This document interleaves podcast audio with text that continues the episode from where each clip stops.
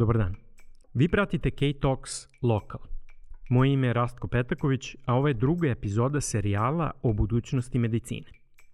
Da podsjetim, serijal o budućnosti medicine zamišljen je tako da zajedno sa sagovornicima, kompetentnim sagovornicima iz raznih uglova, istražujemo trenutno stanje i trenutne mogućnosti medicine i zdravstva, ali i da analiziramo njihov pravac kretanja i održivost Dakle, da pokušamo da sagledamo i statičku i dinamičku ravnotežu u okviru ove oblasti. U prošloj epizodi razgovarao sam sa profesorkom Draganom Obradović. Dragana nam je pružila sjajan uvid u ovu temu iz ugla prakse. Njeno veliko znanje i neverovatna posvećenost pacijentima daju odgovor na pitanje kako dalje iz ugla lekara. Odatle smo morali da počnemo jer čak i kada rešimo sve tehnološke i ekonomske probleme, morat ćemo da se oslonimo na lekare kao na glavni stup zdravstva budućnosti. Drugi korak je tehnologija. Kada govorimo o medicini budućnosti, intuitivno odmah pomislimo na tehnologiju. Gde smo danas sa tehnologijom u medicini, u nauci i praksi? Gde su njene mogućnosti i vrlo važno gde su njena ograničenja? Odgovore na ova pitanja tražio sam sa Igorom Bogićevićem.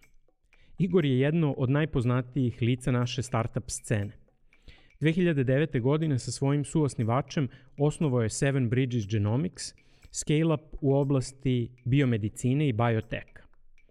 Nedavno je sa suosnivačem Lukom Babićem osnovao Orgnostic, sa idejom da pomogne kompanijama da iskoriste i maksimizuje vrednost raznih metrika iz oblasti ljudskih resursa – kombinujući te metrike sa znanjima iz organizacione tehnologije. Sa ovako širokim znanjima iz primenjene tehnologije i naročito primenjene tehnologije u oblasti obrade velikih količina podataka, Igor je bio sjajan sagovornik na temu budućnosti medicine i zdravstva iz ugla tehnologije.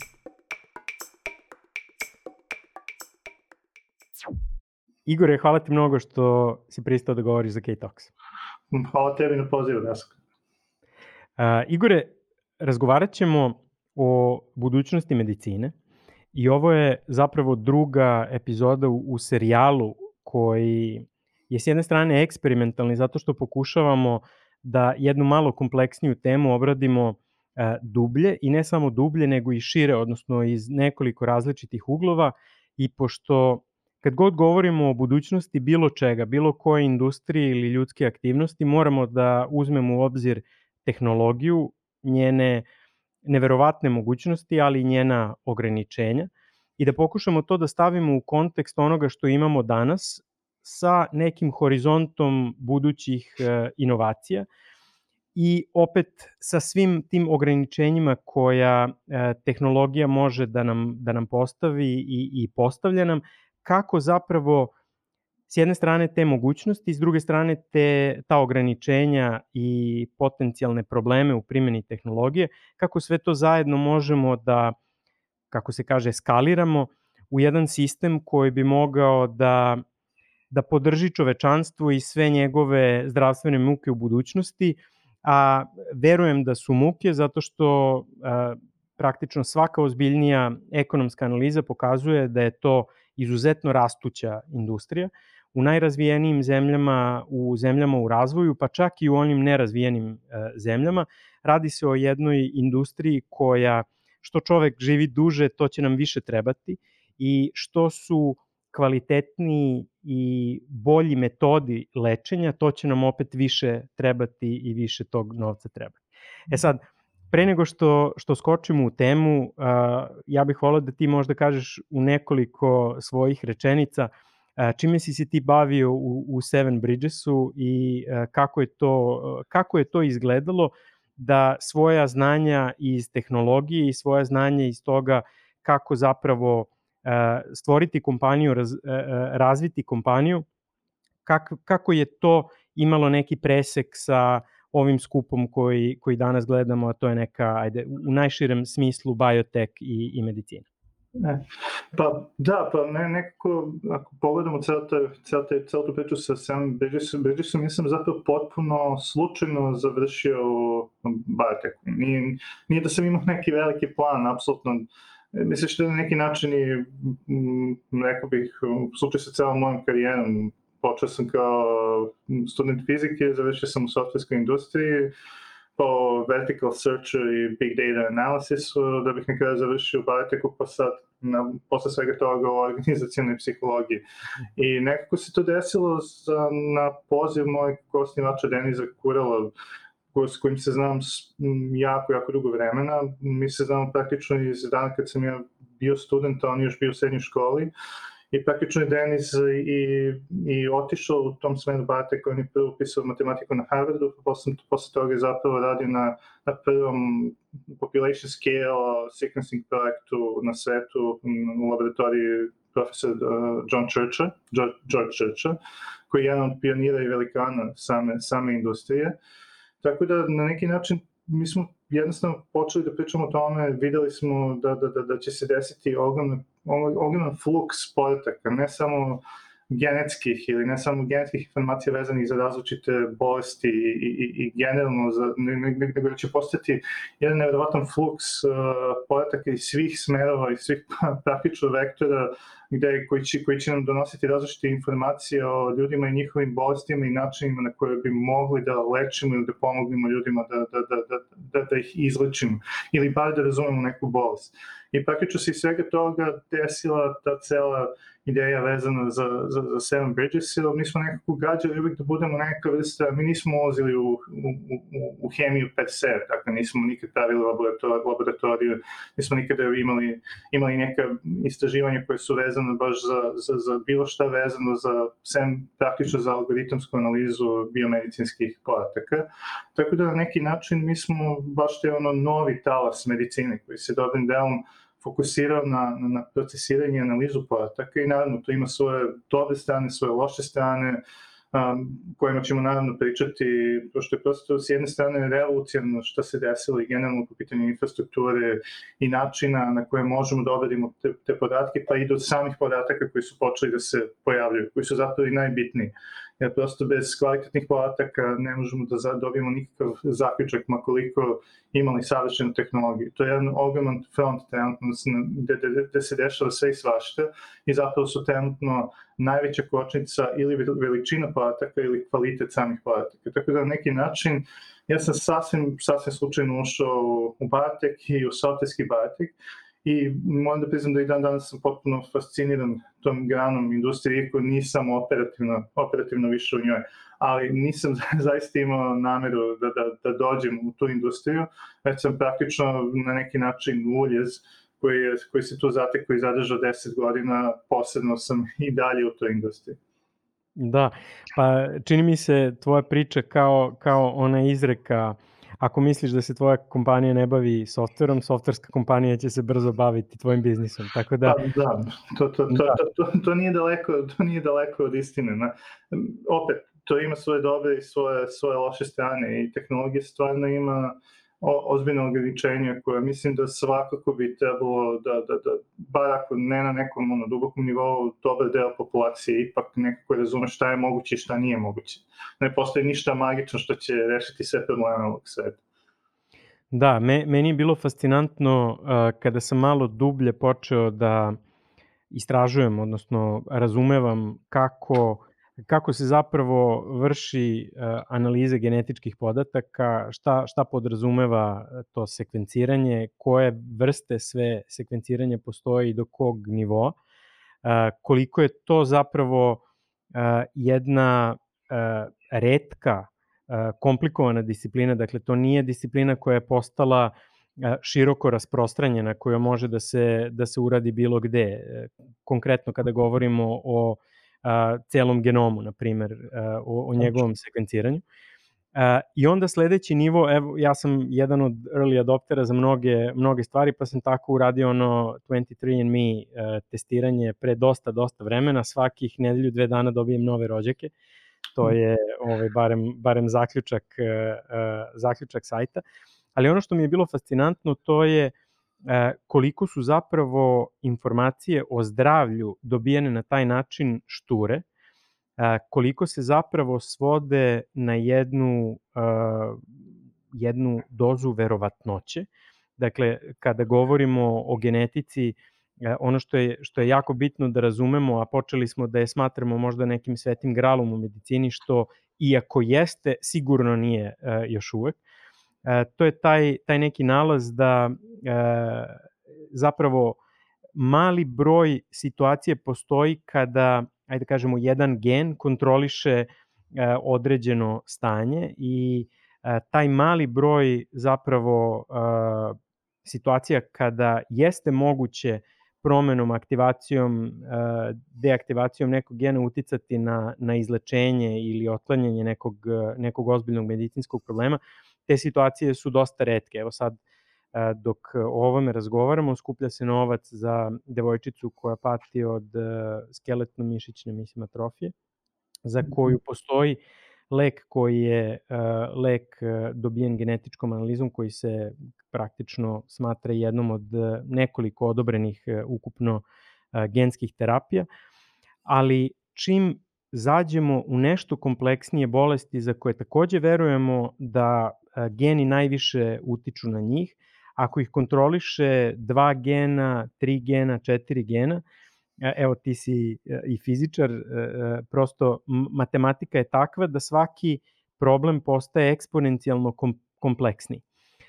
Od analize, dakle analiza podataka postaje eksponencijalno kompleksnija, sa svakim novim genom koji utiče na nešto, analiza potencijalnih rešenja takođe i samim tim istraživanje eventualno lekova koji bi mogli da, da utiču na to. Dakle, da, da li se tebi čini da je zapravo taj put genetičkog inženjeringa ili genetičke terapije ili razumevanja gena zapravo neki sveti gral ili samo jedna od tehnologije ili jedan od metoda kojim, kojim smo krenuli? Pa mislim da je samo jedan od, ali jako bitan i jako komplikovan i jako težak. I to je, da, da, da, da je jednostavno sve odgovore bi već imali. Ne postoji neka velika zavera farmaceutskih kompanija koje od nas kriju veliku istinu o univerzalnom leku za, za kancer. Prosto naša biologija je veoma kompleksna i, i, i iako ako govorimo o genetskom zapisu čoveka, to nije ni približno najveći zapis koji postoji na, na, na svetu, ali dovoljno, dovoljno kompleksan da, da, da, da je jako teško praktično povezati određene bolesti koje mogu opet da budu uzrokovane, kao što si sam rekao, aktivacijom nekoliko gena ili kombinacijom različitih bolesti, apsolutno nije, diagnostika nije trivialna, a lečenje je tek apsolutno, apsolutno jedna veoma kompleksna stvar i ne, ne, s druge strane, ako pogledaš i samu kompleksnost, na primjer, ne znam, ljudske ćelije, ne verujem da ćemo u neko skorije vreme moći da modeliramo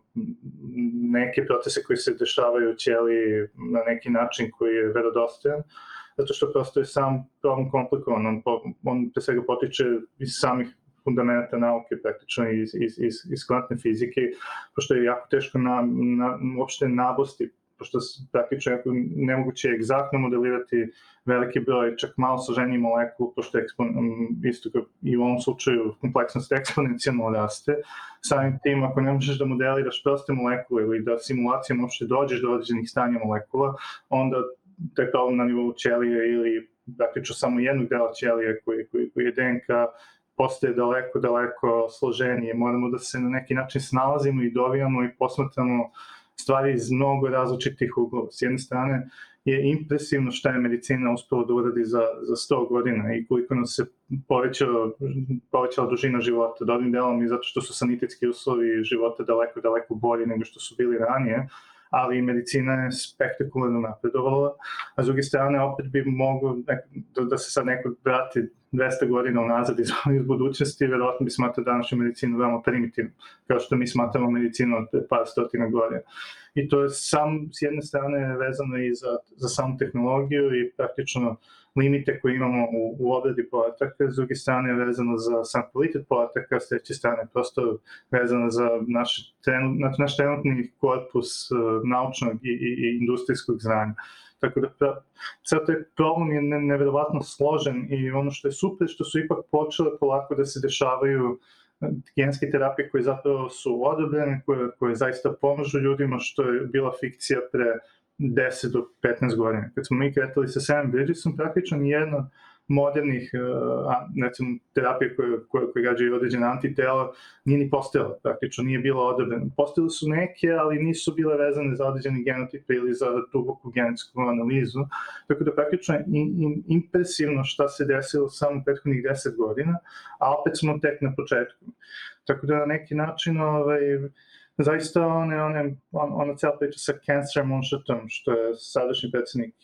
Amerike Joe Biden pokrenuo kada je bio zamenik predsednika Baracka Obame, jeste jedan od onak prilično vizionarskih uh, projekata, zato što zaista to jeste moonshot. Treba će nam mnogo više vremena da uradimo tako nešto nego da zapravo kao civilizacija da dođemo do meseca. I treba nam mnogo više takvih projekata koji na neki način pokušavaju uh, čak i institucionalizovano da objedine gomilu različitih aktera koji imaju nekad iste, nekad različite i sukobljene interese, na neki način da se, da se zajedno kao civilizacija dovedemo do nekog novog stanja i mnogo boljih terapija za određene bolesti od kojih sada umiremo. Pošto sam si rekao, mnogo duže živimo i samim tim neke bolesti koje su bile ređe ranije. Kancer, nemamo mi eksplozivu kancera, mi imamo eksploziju produženja ljudskog života i neke bolesti koje se nisu ranije tolikom broju dešavale, prosto se dešavaju samim tim što živimo više od 70 ili 80 godina. I što smo stari, sve smo skloni određenim degenerativnim bolestima ili određenim genetskim bolestima, tako da na neki način to je izazov za, za, za, za nas kao generaciju,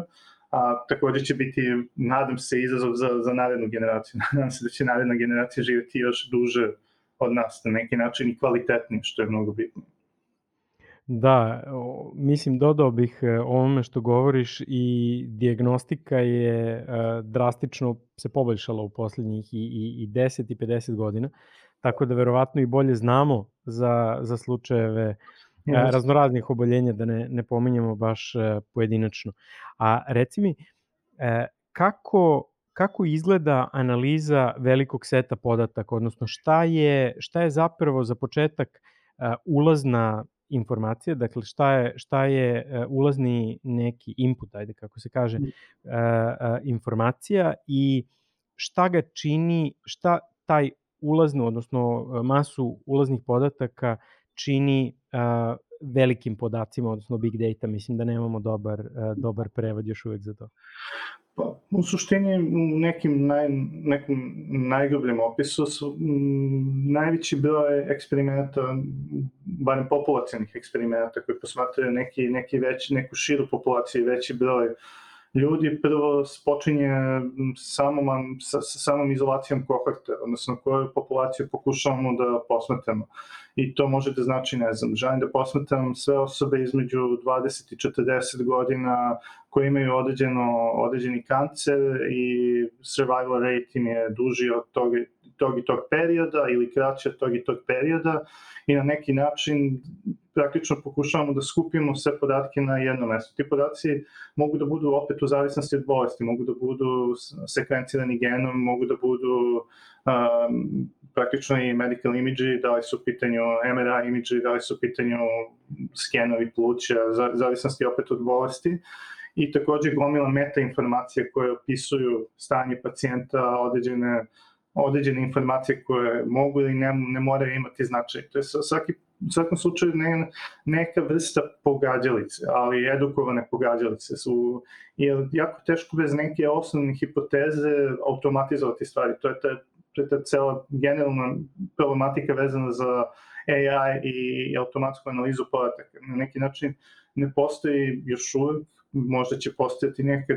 neki, neka vrsta veoma složene metodologije koja će moći da traži stvari automatizovano, automatizovano kao što bi to radio neki istraživač sada, ali se svodi manje više na određeno postavljanje određene hipoteze, šta je, na primjer, potencijalni uzrečnik određene bolesti ili kako određena ili kako određena, kako ljudi sa određenim genotipom ili određenom ekspresijom gena reaguju na određene terapije, analiza tog signala i pravljenje nekog zaključka koji je manje ili više precizan. Kao što si isto spomenuo, sam proces sekvenciranja i uzimanje skenova, zapravo prikupljanje bilo kojeg po, vrste podataka inherentno ima i određeni šum. Mi nikad ne dobijamo egzaktne podatke, mi dobijamo podatke sa određenom verovatnoćom i zato je, zato je kvalitet podataka krucijalan i za kvalitet istraživanja. Veća količina podataka statistički nam daje bolju sliku i zato se često posmatraju stvari na nivou populacije, na, na nivou jedinke nam daje možda bolju sliku određene bolesti i određenim problemima koji su doveli do određene bolesti ili ekspresije gena, pošto mi svi nosimo određeni genotip koji može da se triggeruje na ovaj ili onaj način, ali na ne, kod nekih ljudi se određena bolest dešava, a kod nekih drugih ljudi se ne dešava. Tako da na neki način je veoma složen set faktora, što spoljašnjih, što praktično naših, naših genetsk, genetskog zapisa ili kako god zvali na, na, na kraju dana, to što se, što se dešava unutar, unutar svih nas, kao ne, neka vrsta procesa. Tako da praktično se opet da, da, da, da, da malo suzim priču, ipak ove, se sakup, sakupi, praktično, sakupaju podaci na jedno mesto koji su od interesa, postavlja se određena hipoteza, ta hipoteza se praktično reflektuje u, na načinu, u načinu na koji se obrađuju podaci i posle toga donosimo određeni zaključak koji ima određenu statističku težinu i to može, od najjednostavniji slučaj može da bude da li određena osoba ima određeni tip kancera. Ako već znamo koje su ekspresije određenog kancera. Mnogo teže stvari mogu da budu kako bi određene, mnogo teže pitanje mogu da budu kako određene terapije zato utiču na određenog pacijenta i kakav potencijalan ishod korišćenja određenog leka može da ima na određenu populaciju, što jeste jedna velika tema precizne medicine, pošto svi smo na neki način veoma slični, ali opet smo i veoma različiti, tako da neka terapija koja bi možda tebe spasila, mene može da ubije i, i vice versa, iako načelno imamo jednu te istu bolest ili problem. Da. A, dosta, dosta pažnje je privukla informacije pre nekoliko godina kada je Angelina Jolie uh, izvršila mastektomiju zbog toga što uh, nosi određene predispozicije, onaj takozvani brca, mislim, yes. jedan, jedan i dva, da. Jedan i dva, da. Uh, gene koji su, uh, opet, kako bi genetičari rekli, uh, predstavljaju, odnosno stvaraju uh, visoke predispozicije za uh, razvoj kancera. Da. I e, to je onako dosta, dosta otvorilo jedno pitanje u tom, tom trenutku e, kako je kako je li ta individualizovana, odnosno specijalizovana medicina možda može da, da bude neka medicina budućnosti. Međutim, ono što, što mene zanima, ajde sad iz, iz nekog ugla, e, iz neke perspektive, možda bi bilo ispravnije reći e, od 5 ili 10 godina od kako se to desilo, je a, ipak deluje da to nije baš individualizovana medicina. Deluje da je to ipak jedan, a, jedan a, ajde kažemo, jedna mera predostrožnosti ili a, jedna mera verovatnoće u kojoj je ona odlučila da je jedan put a, bezbedniji ili, ili manje opasan od, od drugog puta. Kako, kako ti se čini da, da eventualna saznanja koja, koja su sve veća i veća iz ove oblasti mogu zapravo da utiču na možda tu pogrešnu, pogrešno shvatanje i pogrešno razumevanje individualne medicine. Zapravo ono što pokušavam da, da postavim kao pitanje je da li, da li imamo rizik da će takvi javni slučajevi koji su zapravo relativno malo kompleksni i relativno jednostavni i tehnološki i naučno, stvoriti neku vrstu otpora ili pogrešnog razumevanja onoga što je zapravo cilj individualne medicine. Kako ti se to čini možda da, da formulišeš i ti taj, taj ideal specializovane, odnosno individualizovane medicine, pa da, da krenemo odatle? Pa mislim, mislim da je ovo jako dobra poenta. Na neki način, opet, sjajno je što, što postoje taj neki globalni awareness, kao da, da, da, da tako nešto postoji, da, da, da određeni ljudi čak mogu da priušte neku vrstu preventive. Da li sad dobro ili loše, to je naravno jako dobro pitanje i verovatno ćemo za 20 ili 30 godina govoriti o nekim potpuno drugačijim načinima terapije, kao što se veoma agresivna sektomija radila recimo sredinom prošlog veka, ispostavilo se da zapravo ima mnogo zapravo zanemarivo zanemariv efekt u većini slučajeva u odnosu na to da se oceni samo jedan deo tkiva. Zapravo ne, ne, spe, ne sprečava se širenje, pošto širenje je, je daljinsko i apsolutno neki način može da se desi da, da, da oceni veliko, velike količine dojke ili cele dojke nema praktično nikakvog efekta na, na pacijenta. S druge strane, to opet ja spekulišem,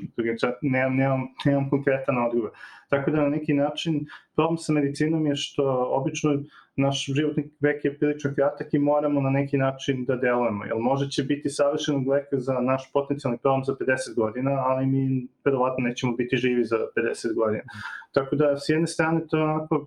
onako klackalica, jer može, može da da ljudima određena očekivanja ili, ili, ili koja, koja nisu realistična, koje su po meni najstrašnije kod ljudi koji boluju od kancera i onda uzimaju različite vidove alternativnih terapija, što je po meni čist parazitizam. I zapravo mislim da bi te ljude trebalo ozbiljno novčano kažnjavati za, za, za, tako nešto, ali s druge strane to opet pravo ljudi da pokušaju šta god mogu u tom slučaju, zato što na neki način su očeni ili nemaju rešenje, prosto ili oni umiru ili neko njima veoma drag umire. Tako da praktično jako, jako je teška zapravo je egzist, nije samo tehnološko ili medi, nije tehnološko i medicinsko pitanje, nego i egzistencijalno pitanje. Kao šta radimo u tim slučajima? Da li, da li ljudima treba davati nadu i ja mislim da im treba davati nadu sa određenom količinom skepse, da nauka i dalje nikad neće biti savršena, medicina nikad neće biti savršena, ali neke stvari su se desile na polju medicine i zaista mogu da pomognu ljudima u nekim slučajevima, nažalost, nemamo, nemamo rešenje. Prosto, prosto nekako, mislim da, da, da za dosta bolesti ćemo morati da sačekamo još jedan veoma dugačak period da bi postale ne znam, polio ili common flu, praktično prethodne generacije. Tako da ne, ja sam optimističan, ali oprezno optimističan po tom pitanju mislim da je bitno pričati o tom, da se ne bi dešavalo da, su, da, da, da ljudi potpuno ne budu upoznati sa tim, da se medicina ipak pomera, da, da, da ipak imaju vere u medicinu i sve ono što se dešava u nauci. Tako da sa jedne strane, uh, mislim da, da, da, da primjeri kao što su Angelina Jolie, mislim da na kraju dana, iako je meni to sve veoma pompezano i pitanje koliko to zaista imalo efekta i da li je imalo smisla, opet s jedne strane nije loš, zato da bi se ljudima ipak prenelo ta neka ideja da, da medicina može da pomogne ljudima. I onda nekako to je uvijek dvosekli mač, kao i sa bilo kojom drugom vrstom informacije. Pogotovo kad je informacija veoma kompleksna, domenska i za, za razumevanje tako nečega je potrebno veoma, veoma ozbiljno znanje i školovanje koje ni ja iskreno nemam. Tako da ja nisam, ja nisam osoba koja se bavi biologijom i hemijom i ne, ne bavim se genetskim istraživanjem. Tako da, ali sa neke sa druge strane, zaista verujem ljudima koji to rade, zato što sam video i mnogo pozitivnih primjera u celom tom procesu. I naravno, to, to je na neki način ovaj, jedna velika i teška, teška trka, da, prosto, koja koji god lek da se pojavi na tržištu, koja god vakcina, iza nje stoje sati, meseci, godine rada nekih ljudi, gomile testiranja, provera, i to je jedan nedeterministički put koji je užasno težak za svaku, za svaku, za svaku prokletu vakcinu ili, ili za svaki prokleti lek. Tako da na neki način da, to se još neće promeniti i ne verujem da tehnologija, odnosno ovaj deo čim se ja bavim softverom, može zaista to fundamentalno da promeni trenutno, da ćemo i dalje morati da radimo mnogo eksperimenta u laboratorijama, da ćemo morati da testiramo i, i, i vakcine i da ćemo morati da testiramo i lekove na ljudima i da prosto nema, nema za sad te kratice. Ono što se zaista desilo je da neke stvari ipak bolje razumemo, ali ne možemo ni približno potpuno da izbjegnemo to što se dešava sad. Možda u nekoj perspektivi kad budemo mogli da, ako budemo ikada mogli bolje da modeliramo fizičke sisteme kvantnim računarima, taj gap će se smanjiti, tako da ćemo neke stvari moći bolje da razumemo i unapred i modeliramo i da, da praktično sve više stvari uradimo in silico, a mnogo, mnogo manje stvari u eprovetama ili ne da Bože na ljudima. Da, mislim da je ovo dobar, e, dobar trenutak da objasnimo zapravo uh, i taj aspekt. Ovo što smo do sad pokrili, mislim da je bilo relativno jasno da, da kada govorimo o analizi genetičkih podataka, govorimo o analizi u suštini alfanumeričkih podataka koji da. su, dakle, svaki, svaki od, od DNK do svih podataka koji se dobijaju a, sekvenciranjem, radi se u suštini o, o podacima koji su onako alfanumerički spakovani, koji se analiziraju određenom a, softverskom metodologijom i koji na izlazu a, donose određene mislim da bi najispravnije re, bilo reći uh, korelacije, odnosno obrazci i korelacije koje opet na kraju neko ko je stručan iz te oblasti može da dovede u neki kontekst i može iz toga da izvede prvo hipotezu, a onda ukoliko se ta hipoteza potvrdi nekim serijama e, daljih e, dokazivanja i postupaka, može da, za, da, da izvede zaključak iz toga. Ali ovaj drugi deo, nadam se da sam dobro ovo, ovo formulisao. Yes.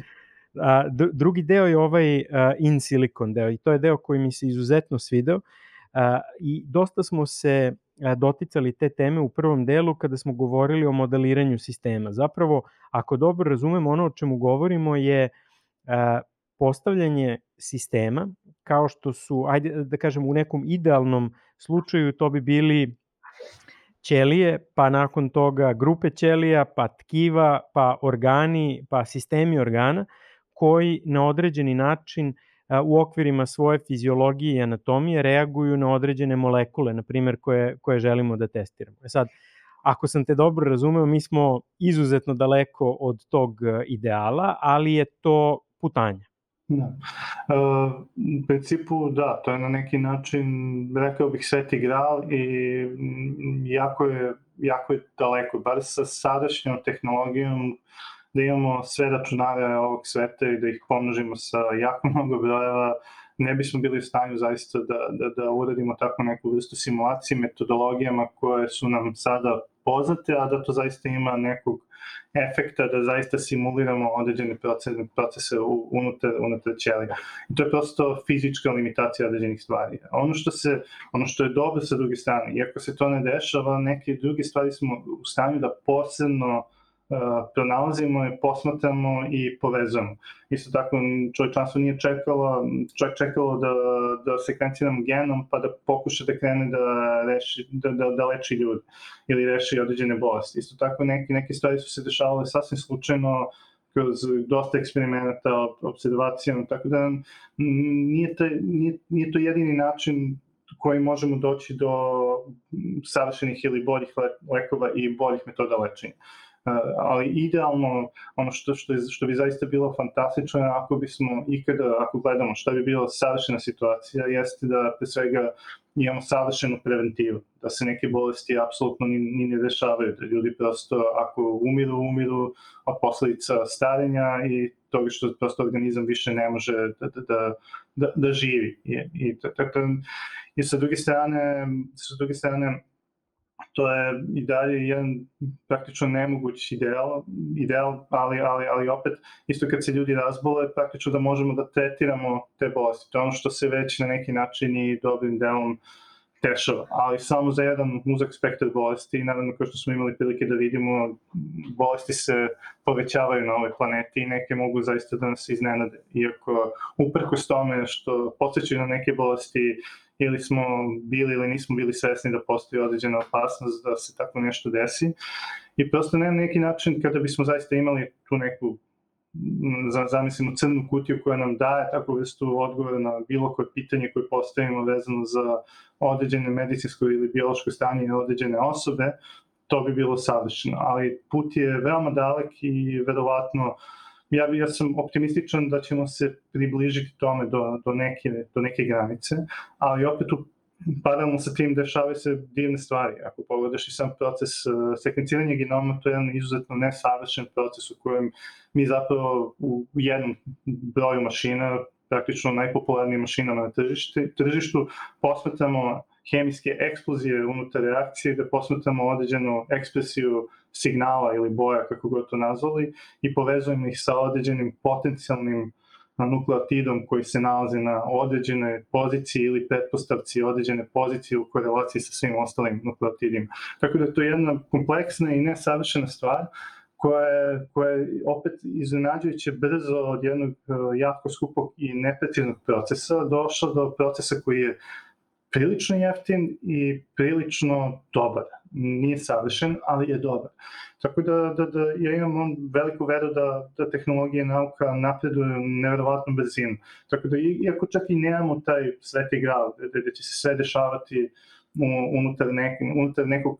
sim, unutar neke simulacije, a ne unutar realnog fizičkog sistema, opet je veoma hrabrujuće ako pogledamo šta se sve dešava u prethodnih 10 do 20 godina i da se približavamo sve više i više tome da smanjujemo rizik po ljude koji primaju određene terapije ili eksperimentalne lekove, sve bolje smo u stanju da predvidimo šta će se desiti ako upotrebimo određenu, određeni molekul ili, ili, ili, neki, ili neki drugi. Tako da opet mislim da se, da se to polako smanjuje i povlači ka, ka, ka, ka in silico, odnosno ka simulacijama unutar određenog čipa tehnologije ili kako god to zvale. Tako da postoji te, to je ono vektor, pom, vektor pomere ka tome, sporije, ali mislim, mislim da, da opet je nekako zaista sjajno što se to dešava jer medicina praktično i nije mogla da na neki način iskoristi tehnologiju. Tehnologija realno nije ni postojala za, za, za dobar deo medicine. Mi imamo tek prethodnih 20-30 godina zapravo malo sofisticiranije mašine za, i mehanizme da, da, da praktično ne znam, posmatramo MRI snimke i izolujemo određene pro, potencijalne probleme u mozgu ili da praktično gledamo određene snimke pluća i automatski detektujemo određene anomalije, što naravno ne znači da ćemo zameniti lekare, a i možemo da im pomognemo da, da mnogo bolje urade diagnostiku i to je zaista ono da ja vidim fundamentalno mesto, naravno, pretpostavljam da ćemo o tome pričati kao asistivnoj medicini, pošto je to jedan on isto fantastičan aspekt medicine koji se dešava i jedan, po meni možda najzdraviji trenutno i najrealniji spoj nauke, medicine i tehnologije jeste u tome kako mi iz tog nekog softverskog sveta možemo da pomognemo lekarima koji su domenski eksperti ili ljudima koji praktično rade neku vrstu istraživanja i da im, da im olakšamo analizu, čišćenje podataka,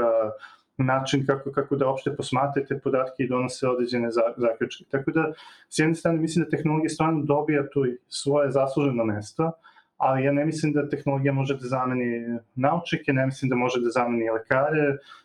mislim da ono što zaista može da uradi jeste da im pomogne da bolje rade svoj posao. Da, to je, to je odgovor na najveći broj pitanja oko toga šta je, šta je neka budućnost e, upotrebe tehnologije u svim tim intelektualno intenzivnim zanimanjima, pa o kojima god da govorimo, govorimo zapravo o simbiozi e, čoveka i mašine. I odlično da smo, e, da smo to pomenuli, evo pre nego što, što ćemo ti ja razgovarati, e, ja sam na, na tvoj predlog pročitao jednu od knjiga Erika Topola i, i obećao sebi da ću nekoliko pročitati. U suštini ovo što radimo mi je on zapravo uradio u toj literaturi, ubacit ću je u, uh, u, u show notes, tako da, da mogu svi da, da pronađu ukoliko žele malo detaljnije da uđu u problematiku. Ali u, u suštini uh, ono gde on pokušava da vrati razgovor, odnosno težište razgovora je da umesto da govorimo o tome kako bi tehnologija mogla da zameni čoveka, ovo što ti govoriš, bi trebalo da govorimo kako, koji bi bio najbolji način i najbolji put da e, s jedne strane, ajde da kažemo to u softverskom e, žargonu, updateujemo softver lekara i s druge strane e, učinimo ili napravimo softver i učinimo ga dostupnim lekarima tako da lekari zajedno sa raznoraznim tehnološkim rešenjima i, i softverima budu bolji lekari svojim pacijentima. Pri čemu težište e, te diskusije je na zapravo lekarima i na lekarskoj nezi, kako je on naziva, koju mora, koja mora biti ukazana pacijentima. I mislim da je to zapravo jedna, jedna sjajna tema. Kada smo počeli ovaj razgovor, jedan od načina na koji sam pokušao da, da postavim plan ove, ovog razgovora bio je upravo taj da, da razgovaramo o tome na koji način budućnost medicine može da bude skalabilna. Sad, odgovor na, na to pitanje, ako kažemo da omogućimo lekarima bolju tehnologiju i bolji pristup tehnologiji, deluje kao da možda nismo do kraja odgovorili na to, na, na to pitanje. Pa kako, kako tebi izgleda ta budućnost i kako bi zapravo to skaliranje medicine trebalo da izgleda uz pomoć tehnologije? Pa, mislim, mislim da ima mnogo baš prilika i, i, i stvari koje su dostižne i sada i nekako možda čak i promiču u celom, u celom ovom haosu koji se dešava oko COVID-19 i prosto sad se nekako bavimo fundam, fundamentalnim pitanjima oko opstanka jako, jako velikog dela civilizacije, ali opet sa druge strane to će uvek, bez obzira koliko, koliko god ne, situacija bila dobra ili loša, moramo da radimo na tom uh,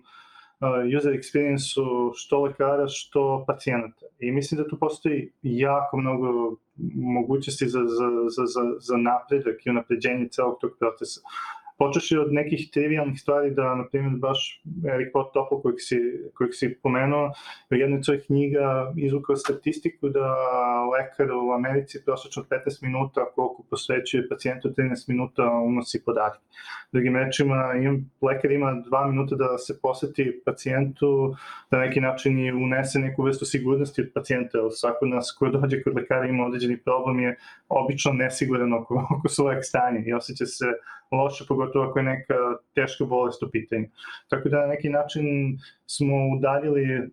digitalizacijom lekara od te njihove humane forme i to, to nije problem koji se dešava samo u Srbiji, pošto naravno svi smo čuli od naših prijatelja, lekara ili porodice, da praktično imaju baš jako loše iskustvo sa unošenjem podataka i sa katalogizacijom, da praktično ne mogu ni da se posete pacijentima, što je zapravo jedan problem oko ergonomije unosa podataka i načina na koji sakupljamo podatke trenutno. I tu zaista mislim da taj termin koji volim baš mnogo, ali pokušat ću da ga upotrebim da ne bude, ne bude baš potpuno pogrešan, da veštačka inteligencija može da pomogne u nekom hvatanju zabeleške informacija kada postane dovoljno dobra da zapravo ne pravi neke fundamentalne greške koje bi mogli da opet ugroze pacijenta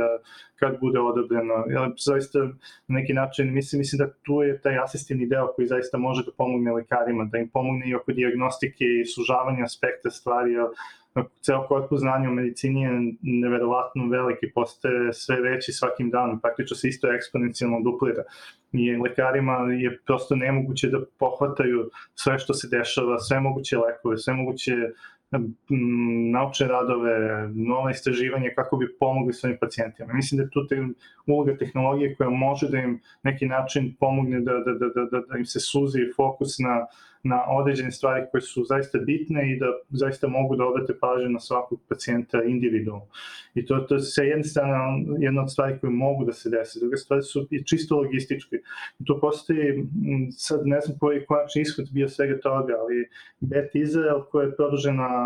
ruka praktično Harvard Medical School i Amazon Web Services su napravili uh, praktično neku, neku su dogovora o, o,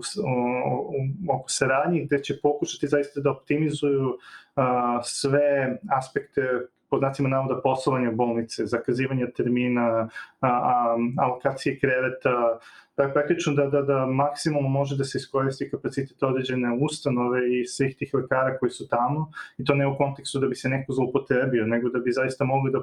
pomognu određenim pacijentima, jer prosto E, isto je fantastičan spektar stvari koje pokušavaju da, da urade, da dođu do toga da koja je procena da će određeni pacijent ući i ostati u određenoj instituciji ili bolnici u tom trenutku, koliko bi potencijalno mogo da se zadrži, tako da bi praktično svi, svi ti resursi koji zaista nisu veliki, kao što smo videli u celoj ovoj situaciji, bolnički sistemi imaju svoje granice i te granice nisu uopšte tako, tako velike. I to, to zvuči kao jedan manje više trivialan problem na nivou rasporeda časova, ali u slučaju složene institucije kao što je, kao što je jedna bolnica ili, ili institucija medicinska je veoma, veoma kompleksan. Tako da mislim da je tu jedan, jedan, jedan aspekt uh,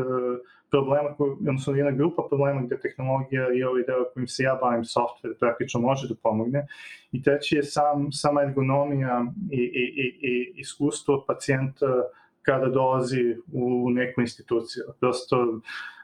zaista osoba koja dolazi sa određenom bolešću ili sa određenom potencijalnom diagnozom i kad dođe u instituciju koja je neofrbana, u raspadu, gde se ne zna šta se dešava, gde, gde, gde, gde praktično su svi nervozni, uključujući i premorene lekare i sestre, tako da, da, da nekako to, to, to ostavlja jako, jako lošu jako loš utisak, jako lošu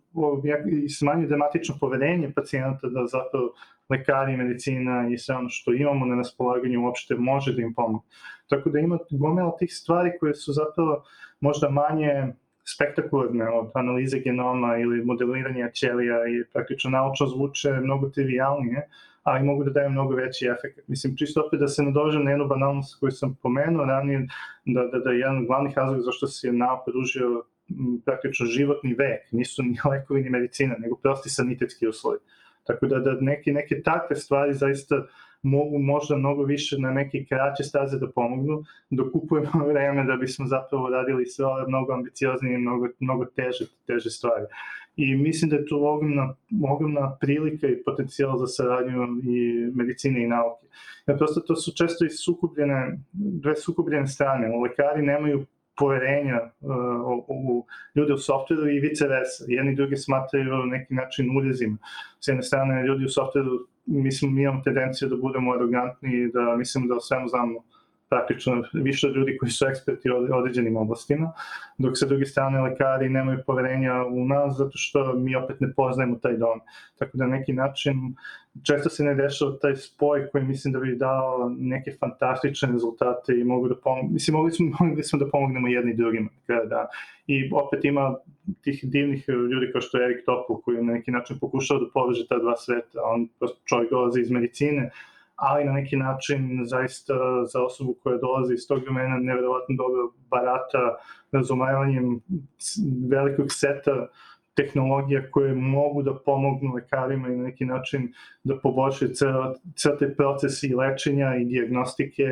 i ima jako dobro razumevanje različitih stvari što je meni opet fascinantno za osobu koja zaista ne dolazi iz, iz ovog mojeg sveta. Ima fantastično dobro razumevanje i analizu šta ima smisla i šta, šta je praktično bullshit. Ja, ja imam, to je isto problem sa, sa pogotovo sa uplivom AI u medicinu, desilo se jako mnogo flopova kao što smo videli sa IBM Watsonom i gomilom drugih uh, poluautomatizovanih ili neautomatizovanih ili Bog te pita kakvih sistema koji su zapravo ne da nisu dali rezultate, nego su nas unazadili. Tako da nekako bitno, da, bitno, bitno su nam takvi ljudi koji zaista imaju duboko razumevanje domena i mogu da pomognu ljudima iz tehnologije, da zapravo pomognu medicini i da praktično objasni lekarima šta je to ono što mi možemo da uradimo, da uradimo za njih. Da, samo ću se e, kratko pretpostavljam da kada govorimo o sanitetskim uslovima zapravo mislimo kanalizacija, čista voda. Upravo. Ove, da, zato što da, da ne pomisli neko da se radi o uh, o nečemu drugom, pošto mislim sanitation je ovaj, malo, malo yes. preveden, prevedeno kod nas, ali da, to je ovaj, zapravo kanalizacija, čista voda i antibiotici su verovatno uh, tri stvari koje su produžile ljudski vek za, ne znam, 40-ak, 30-ak, 40 godina. Upravo, i zato sad na sreću i nažalost moramo da se bavimo nekim drugim bolestima. Da. E, još jedna stvar koju bih hteo da, da prođemo, a to je, po, počeli smo o njoj, odnosno načeli smo je, a to je ta možda tamna strana tehnologije i veze tehnologije i medicine. A to je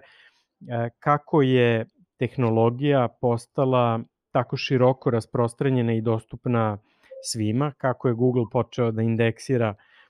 medicinske radove i, i medicinske sadržaje, tako smo ušli u sistem koji je s jedne strane vrlo pozitivno demokratizovao veliku količinu znanja. Kada opet kažemo demokratizovao, mislimo učinio dostupnim velikom broju ljudi. Dakle, veliki broj ljudi je dobio instant pristup ogromnoj količini naučnih podataka. S druge strane, govorimo o ljudima koji možda nemaju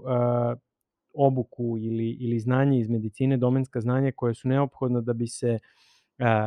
ra, razumelo gde postoje korelacije, gde postoji kauzalnost i kakav je zaključak svega, svega što vidimo. I e, sve više imamo ljude koji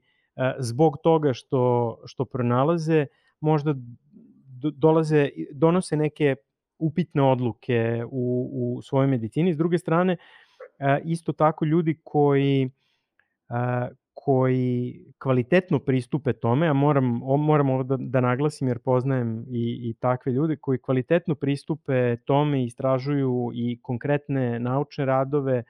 i, i neke probleme, dobijaju pristup informacijama i mogu u mnogim slučajevima više da pomognu, pomognu lekaru nego neko ko to nije uradio. Međutim, to je problem, odnosno, pa da, problem koji nije, nije opet skalabilan. Dakle, nije, nije moguće ove dobre primere kojih ima, naravno, nije ga moguće u toj meri replicirati na toliki broj slučajeva da to postane zaista nekakva, nekakva velika prednost iz tvog iskustva ili zapravo dovoljno mi je da, da daš samo neki svoj osvrt i pretpostavku o tome. Da li je, e, da li je taj put zapravo nešto što, što je dobro ili je nešto što je loše? I samo ću dati još jedan mali još jednu boju tom pitanju. Od kako se desio COVID, COVID je naravno promenio stavove o mnogim stvarima i jedna od stvari o kojima pokušava ili o kojima menja pristup je i, i pristup istini, hajde da, da, da to tako postavim. Dakle, velike platforme, velike mreže postale su u neku ruku čuvari informacija ili neko ko prosleđuje i ko pruža otvoren kanal samo do, da kažemo, zvaničnih i institucionalizovanih informacija. Sad, zašto mislim da je bitno da dodamo ovu boju? Zato što ja nisam siguran da je, da je taj put najbolji put, između ostalog i zbog toga što se institucije zvanične nisu baš najbolje ponele prema istini na samom početku epidemije. Govorim i o političkim institucijama, pa i o zdravstvenim institucijama i ne bih bio toliko sklon da kažem da je to rešenje koje je primjenjeno na COVID neko rešenje koje bi trebalo replicirati na sve ove slučaje. Pa da se vratimo onda na, na pitanje. Da li je više prednost, da li je više mana i kako u kontekstu evo ovog uskog primera e, kontrole informacija na, na slučaju COVID-a misliš da, da možemo da pokušamo da rešimo taj problem? Pa to je jako, jako dobro i jako teško pitanje, zapravo odlično pitanje, pitanje svih pitanja na, na kraju dana. Uh, mislim, mislim da je u perspektivi dobro, da, da, da, da, da, da ljudi trebaju da imaju informacije pred sobom, iako možda ne mogu da ih rastumače i mislim da nije rešenje sakriti informacije od ljudi, nego uh, nego raditi na edukaciji ljudi i praktično pomoći im da razumeju te informacije. Mislim da je to karika koja nedostaje. I prosto svi smo svesni koliko se taj korpus informacija i znanja poveća, ali to, to je bio od uvek problem. Praktično im zaboravio sam sad ime knjige koje fantastično radi presek analize enciklopedijskog znanja u tokom srednjeg veka i, i ranije, gde, gde ta isto postoje overwhelming efekt na, na, na ljude koji su bili skolari u to vreme. Uh, i praktično nije to nov problem, samo sad postao postoje, neko bih turbulentniji, brži, se znanje na daleko brže nego milava ili da li znanje ili informacije, informacije su možda bolji termin zato što tu ima i lažnih i tačnih informacija. Tako da na neki način mislim da je dobro što, što dolaze. Mislim da opet mora da postoji neka vrsta arbitraže, ali da možda nije arbitra, idealna arbitraža u tome da, da neka vrsta političke ili digitalne institucije nameće to šta smemo da čitamo ili šta ne smemo da čitamo, ili, ali je glavni problem je ako neko vidi određenu, određenu informaciju na internetu i počne da veruje, ne znam, o deep state-u, da počne da veruje da neki izbori se nisu desili onako kako su se desili, da, opšte, da, da, da, se nadođe na određene informacije koje su se skoro desile, uh, da, da praktično ovaj, nije rešenje u tome da se te stvari sankcionišu, nego da ljudi zapravo budu u stanju da na, na neki način da zaznaju šta je najveća verovatnoća da potencijalno nešto jeste istina i da budu dovoljno obrazovani da urade taj presek. To je najteže. I to je zapravo to je jedan veliki problem zato što mislim, ne bih da zvučim kao conspiracy theorist, ali kao, prosto je mnogo bolje, mnogo lakše kontrolisati ljude koji, koji relativno malo znaju ili koje je moguće uplašiti. Ili strah je jedan nevjerovatan način da se kontrolišu, da se kontrolišu ljudi i često se koristi, veoma je efikasan i mnogo je jeftiniji nego neki drugi način, tako da se često po, poseže za, za tim. A na neki način naša generacijska dužnost je, rekao bih, da na neki način uh, pomognemo bar naredne generaciji nama da se bolje nosimo sa, sa onim što, onim informacijama koje su nam na neki način dostupne svakodnevno. I mislim da baš ovo što si pomenuo i u kontekstu covid je sjajan primjer.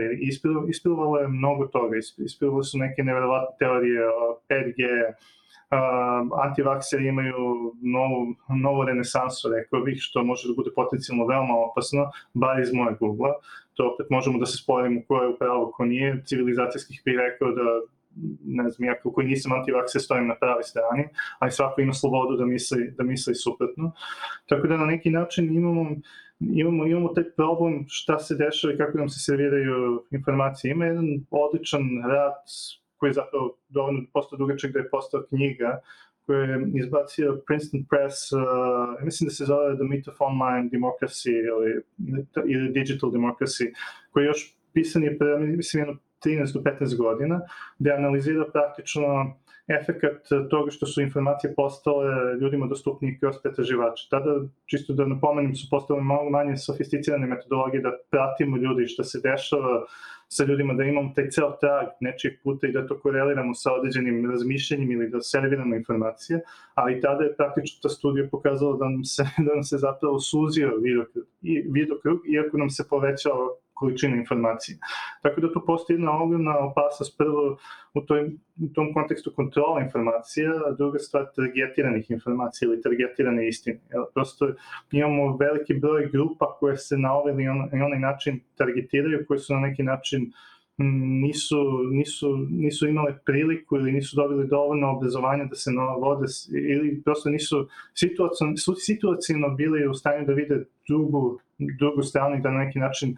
edukovanije donesu odluku o tome što oni misle da je istina ili nije istina. Tako da prosto da se vratim i na celu ovu priču, mislim da generalno mislim da nije dobro zataškavati informacije. Mislim da je on jedino, jedino rešenje zapravo edukovati ljude u, kojem god domenu da, da, da pričamo. Da li je pitanje medicine, da li je pitanje građanska sloboda, politika, da li je pitanje ne, ne znam, sport. Ne, apsolutno je nebitno. Jedno, jedno ima možda malo veću težinu od ovog drugog, ali, ali opet na neki način ne, ja, ja lično mislim da, da, da je to jedini put da, da, da na neki način uspemo da se nosimo sa svim ovim informacijama koje postoje. Ja daću ti samo lični primjer kad sam oputovao prvi put u Ameriku i radio sam tamo šest meseci i praktično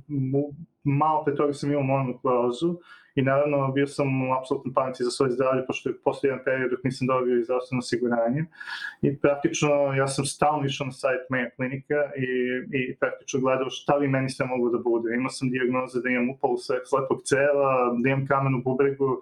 praktično što god da me zaboli, imao sam, imao sam neku vrstu um, paranoje oko toga da mi se nešto dešava sa telom, iako mi se ništa nije dešavalo. Prosto nisam dobro spavao ili sam se uganuo ili što, što god je bilo u pitanju. Tako da na neki način, ovaj, s druge strane, opet mislim da mene umirilo to što uopšte mogu da dođem do tih informacija. Sad, ne znam, to, je, to je opet pitanje svih pitanja, rekao Da, da. Ne, ja, ja se potpuno slažem uh, oko ovoga. Uh, verujem da je uh, kratkovid put kojim se ograničavaju informacije između ostalog e, i zbog toga što jedini način da dođemo do novih e, saznanja i da e, da zapravo menjamo neku svoj, svoju percepciju stvarnosti je da dovodimo u pitanje ono što je bila percepcija stvarnosti pre nas. Jedini način da nauka napreduje nije samo da otkriva ono što nije otkrila, nego i da dovede u pitanje ono što, što je već otkriveno. Pa ukoliko, ukoliko i ajde kažemo obični građani koji možda nemaju duboko domensko znanje u nekim situacijama mogu da doprinesu toj e, tom utvrđivanju činjenica, analizi, e, naročito kada je njihovo zdravlje u pitanju, verujem da je, da je to dobro, ali slažem se sa tobom da je potrebno možda kroz obrazovni sistem pre svega, ali ako ne kroz obrazovni sistem, onda kroz neke naknadne naknadne načine i, i metode pomoći ljudima da, da sav taj korpus informacija do kojih danas mogu da dođu i obrade na neki kvalitetniji način i, dobiju neke zaključke koji neće učiniti neće prekršiti onaj prvi deo Hipok Hipokratove zakletve koji kaže pr prvo ne učini neko zlo, mislim da je tako, mm. tako nešto glasi. A, Igore, hvala ti mnogo na ovom razgovoru, a, mislim da smo pod jedan otkrili stvari koje nismo znali, eto nisam znao do kraja ni koje su trenutne mogućnosti, ni koje su buduće mogućnosti korišćenja tehnologije u, u nauci, u naučnom istraživanju, u medicinskom istraživanju, a pored toga verujem da, da su bili vrlo korisni za sve koji ne slušaju ovi zaključci o tome kako bi taj assisted medicine, odnosno simbioza tehnologije i, i lekara zapravo mogla da budu pravi odgovor na to šta u nekom kratkom periodu može da bude medicina budućnosti, a za onaj daleki odgovor, mislim, uh, nastavi taj, taj svoj dobar rad. Hvala tebi mnogo na pozivu, Rasko.